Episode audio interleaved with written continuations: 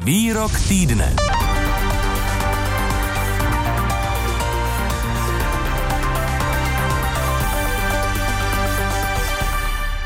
Americký prezident Joe Biden vyloučil možnost, že by USA vyslali svoje vojáky na obranu Ukrajiny, protože země není členem Severoatlantické aliance. V úterním rozhovoru se svým ruským protižkem Vladimirem Putinem ale státníka varoval před dosud nevýdaně tvrdými ekonomickými sankcemi v případě ruské agrese vůči Ukrajině. If in fact he invades Ukraine, pokud Ukrajinu napadne, přijdou vážné důsledky, ekonomické důsledky, jaké ještě nikdy neviděl. Takové, jaké dosud nikdy nebyly zavedeny, řekl americký prezident Joe Biden před Bílým domem.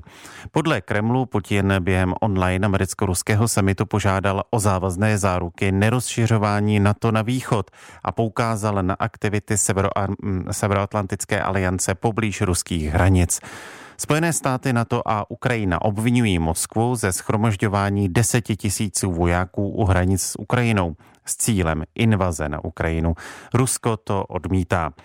Téma teď probereme ve výroku týdne. Jako prvního vítám Petra Koláře, bývalého velvyslance ve Washingtonu a v Moskvě. Dobrý den. Dobrý den. Zmírnila dlouho očekávaná schůzka Joea Bidena a Vladimira Putina napětí kolem Ukrajiny. Byl vidět v něčem posun, anebo jsme stále ve stejném bodu?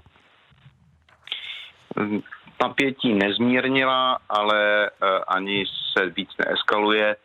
Uh, bylo zřejmé, že Putin prostě chce mluvit s Bidenem, že potřebuje ten osobní kontakt, on asi bez toho nemůže žít, protože má pocit, že Eh, tímto si dodává a hlavně v očích svých vlastních obyvatel vážnost, kterou eh, jinak nemá. Eh, on velmi postrádá tu bilateralitu a tu bipolaritu tedy v mezinárodních stazích, kdy Rusko bylo protiváhou Ameriky a teď navíc ještě se jedná o něco, co je v bezprostřední blízkosti Ruska, v jejich sféře zájmu, jak oni to nazývají, a je to Ukrajina, kterou pokládají za své teritorium, za svou sféru zájmu a Eh, vlastně vyžadují teď od eh, nás, od západu, především od Ameriky, tedy eh, garance, že Ukrajina se nestane členskou zemí Severoatlantické aliance a že Zároveň tedy Ukrajinci se nepokusí vzít si zpátky východní separatistická území.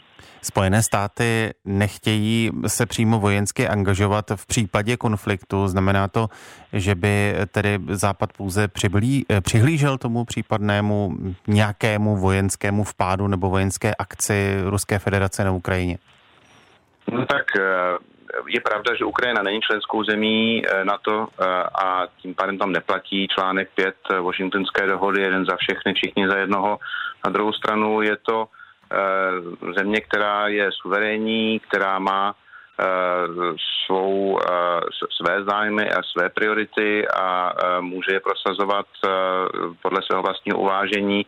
Nikdo ji v tom nemá právo bránit a pokud by se Ukrajina chtěla stát členskou zemí Severoatlantické aliance a splněla by všechna patřičná kritéria, tak by jí to bylo mělo být umožněno.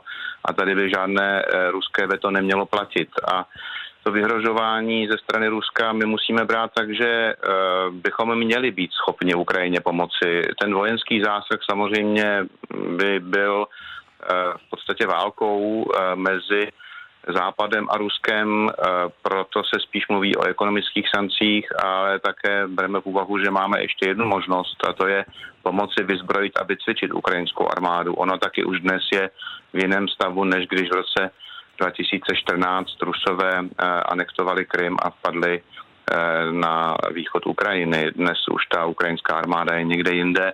Samozřejmě potřebuje ještě dovyzbrojit a v tom my Západ můžeme pomoci. Amerika je eh, v podstatě jakýmsi lídrem Severoatlantické aliance, jakýmsi garantem toho, že bereme vážně své závazky i vůči našim partnerům, nejenom tedy vůči spojencům uvnitř aliance a navíc nás už pan Putin vyškolil, že ústupovat se mu nevyplatí, protože vždycky ústupek, eh, který byl udělán z toho kružku, tak on vnímá jako projev naší slabosti a testuje, kam až opustíme. Takže v tomto ohledu si myslím, že ne přímo tedy vojenskou uh, pomocí, tak alespoň vyzbrojováním jejich armády a cvičením bychom měli pomoci. Prezident Biden mluví o v případě konfliktu o dosud nevýdaných sankcí vůči Rusku Co si pod tím můžeme představit? Jak moc by mohli Rusko bolet? Mimochodem, agentura Reuters uvádí, že existuje dohoda například s Německem, podle které by v případě invaze na Ukrajinu Berlín zavřel plynovod Nord Stream 2.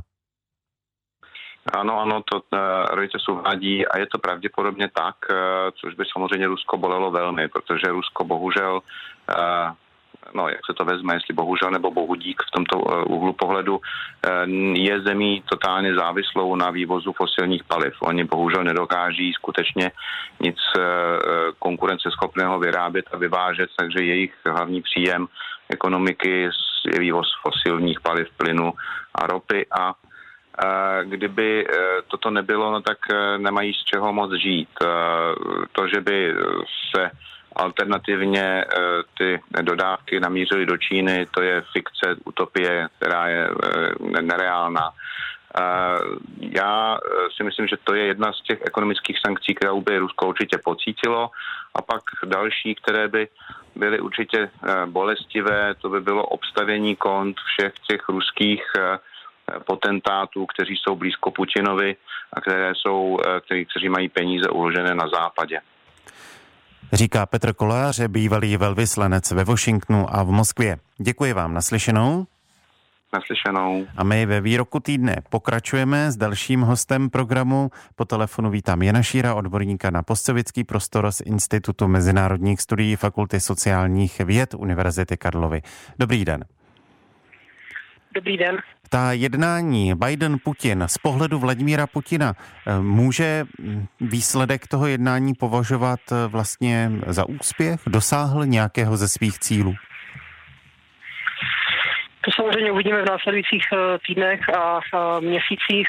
Dosáhl dílčího cíle v té podobě, že byl schopen vytvořit takovou krizi, na kterou uh, západní společenství, včetně uh, hlavy uh, Spojených států, museli nějakým způsobem reagovat a Biden byl tím, který inicioval to poslední jednání. Takže v tomto ohledu Vladimir Putin byl schopen připoutat k sobě pozornost a donutit západní vůdce tak, aby si vyslechli ty jeho obavy nebo výhrožky. To tady už záleží na úhlu pohledu, jak to budeme nazývat. V tomto ohledu úspěšný byl. Jestli byl úspěšný, co se týče uh, nějakých uh, dlouhodobých uh, strategických cílů, nejenom ve vztahu k Ukrajině, ale zejména ve vztahu tížené revize mezinárodního uspořádání, změny pravidel hry v podobě akceptace ze strany západu toho ruského nároku na vytvoření nějaké vlastní zóny vlivu, to, to samozřejmě uvidíme. Tady, tady si jist nejsem.